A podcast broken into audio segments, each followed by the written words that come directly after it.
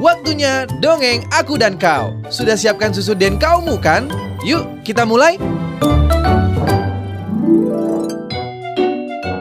Di sebuah negeri yang damai, hiduplah seorang raja bernama Raja Prabu Tapa Agung. Ia memiliki dua putri, yaitu Purbararang dan Purbasari. Purbasari adalah seorang putri yang sangat peduli pada rakyatnya. Karena sifat itulah, sang raja ingin menjadikan Purbasari seorang ratu. Tapi Purbararang iri. Dengan bantuan nenek sihir jahat, ia membuat kulit Purbasari bentol-bentol. Rasakan kau Purbasari. Sekarang aku yang akan jadi ratu menggantikan ayah.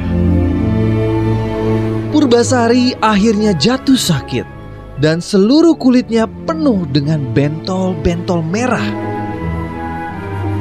Ayah, apa tidak sebaiknya Purbasari diasingkan ke tempat yang jauh? Aku takut penyakitnya ini akan menular ke seluruh kerajaan. Akhirnya Purbasari diasingkan ke hutan. Di hutan, Purbasari malah merasa bahagia karena ia bersahabat dengan para binatang, termasuk seekor kerayang sakti bernama Lutung Kasarung. Sampai suatu hari, Lutung Kasarung meminta Purbasari untuk mandi di telaga buatannya. Purbasari, cobalah kau mandi di telaga ini. Ajaib!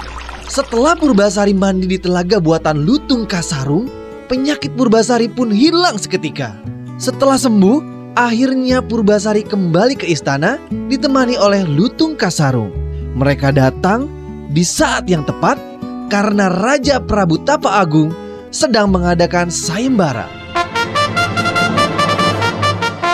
Barang siapa yang rambutnya lebih panjang dari Purbararang akan berhak menjadi ratu.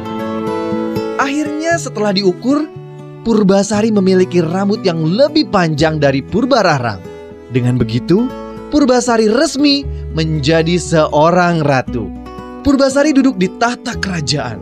Namun tiba-tiba, Lutung Kasarung, sahabatnya, berubah menjadi seorang pangeran.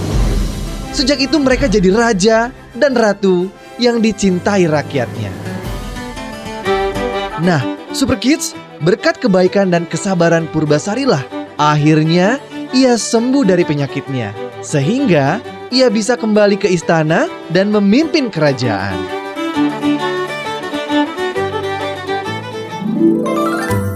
Bunda, dukung terus si buah hati untuk menjadi anak unggul Indonesia. Sampai ketemu lagi di dongeng aku dan kau lainnya ya.